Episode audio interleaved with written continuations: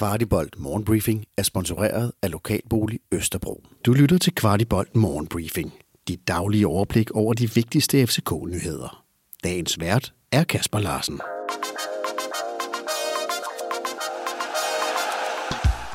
Tirsdag den 30. i 8. I morgen er det den store dag, så derfor starter vi naturligvis i transfer mode. Farsam Abulisani fra BT fortæller, at FC København har fundet et emne til 9'er positionen, som de går benhårdt efter. Det drejer sig om Piontek fra Hertha Berlin, der er røget helt ud i kulden i sin klub. Piontek har tidligere optrådt for blandt andet Milan, Fiorentina og Genoa. Ifølge Farsam er der både overvejelser omkring køb og leje af spilleren.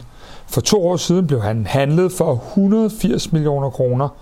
Vores dataanalytiker Henrik Tustrup har lavet en analyse af ham, som du kan se på vores Facebook-side.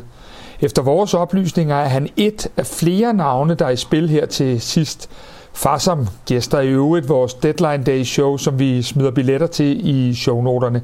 Det er i morgen, det er den 31. august, hvor vi dækker alt på transfermarkedet de sidste spændende timer. Silkeborgs sportschef Jesper Stykker fortæller TV3 Sport, at man regner med at beholde Nikolaj Wallis, der jo har rumsteret i det FC Københavnske transfervindue igennem længere tid. Stykker siger, at der skal noget helt ekstraordinært til for at fjerne profilen fra Silkeborg. Wallis ønsker efter vores oplysninger kun at skifte til FC København, hvis det er vel at mærke er inden for landets grænser. Spændende bliver det, om vi giver det et sidste forsøg inden onsdag 23.59. Det kunne jo komme på tale, hvis man for eksempel ikke kan nå til enighed med en vis Jakob Brun Larsen. Efter kampen i Farum fortalte Jes Torup, at han manglede lederskab på banen. Thor fortalte i mixzone, at vi slet ikke håndterede en dårlig start, og han efterlyste klare, tydelige ledere på banen. Thor fortæller, at det var direkte pinligt og uværdigt, og han overvejede faktisk allerede at skifte tre spillere efter 25 minutter. Han besindede sig dog, da de gerne ville lave systemet om til 3-5-2 i pausen, og dermed bruge sine udskiftninger der. I samme moment fortalte Lukas Lea, at der var nogle ting rent taktisk, der skulle tages internt ude på tieren. De løsninger skal vi dog til at finde lige nu og her, for det er godt nok svært at se, hvordan vi skal sætte flere gode kampe sammen i streg. Vi har i det hele taget givet en meget, meget grundig analyse af FC Københavns problemer i vores nedtakt fra i søndags, hvor Mike Julemand, akademitræner fra Hvidovre IF, gæstede studiet. Giv den en, et lyt. Vores gamle darling, Victor Fischer, ser ud til at skulle forlade Royal Antwerpen. Tipsbladet skriver, at Fischer er blevet udeladt af truppen denne weekend, da han har fået lov simpelthen at besøge andre klubber. Fischer har aldrig fået den ønskede succes i Belgien. Et stort talent ser ud til at gå en meget usikker fremtid i møde. FC København har faktisk hentet en spiller nu. Det drejer sig om den 18-årige Oliver Svendsen, der får muligheden i den hvide trøje det kommende halvår. Oliver er højre bak, og FC Københavns talentchef Mikkel Køler oplyser til FCK.dk, at vi har med en rigtig teknisk dygtig spiller at gøre, der til lige har en god indlægsfod.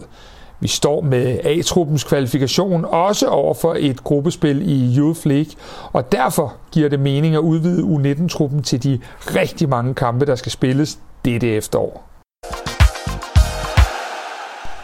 Og så til en afvisning. Mainz-angriberen Markus Ingvartsen har ifølge Ekstrabladets oplysninger afvist FC København. FC København skulle have sonderet muligheden for at tilknytte den 26-årige tidligere FC Nordsjælland topscorer, men altså uden held. Ingvartsen er i øjeblikket meget både ude og inden af holdet, men ser ud til at blive i Tyskland.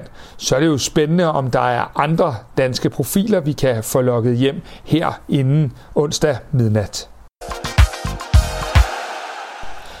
Tidligt i transfervinduet blev FC København kædet sammen med venstrebakken Pep Chavarria fra Zaragoza.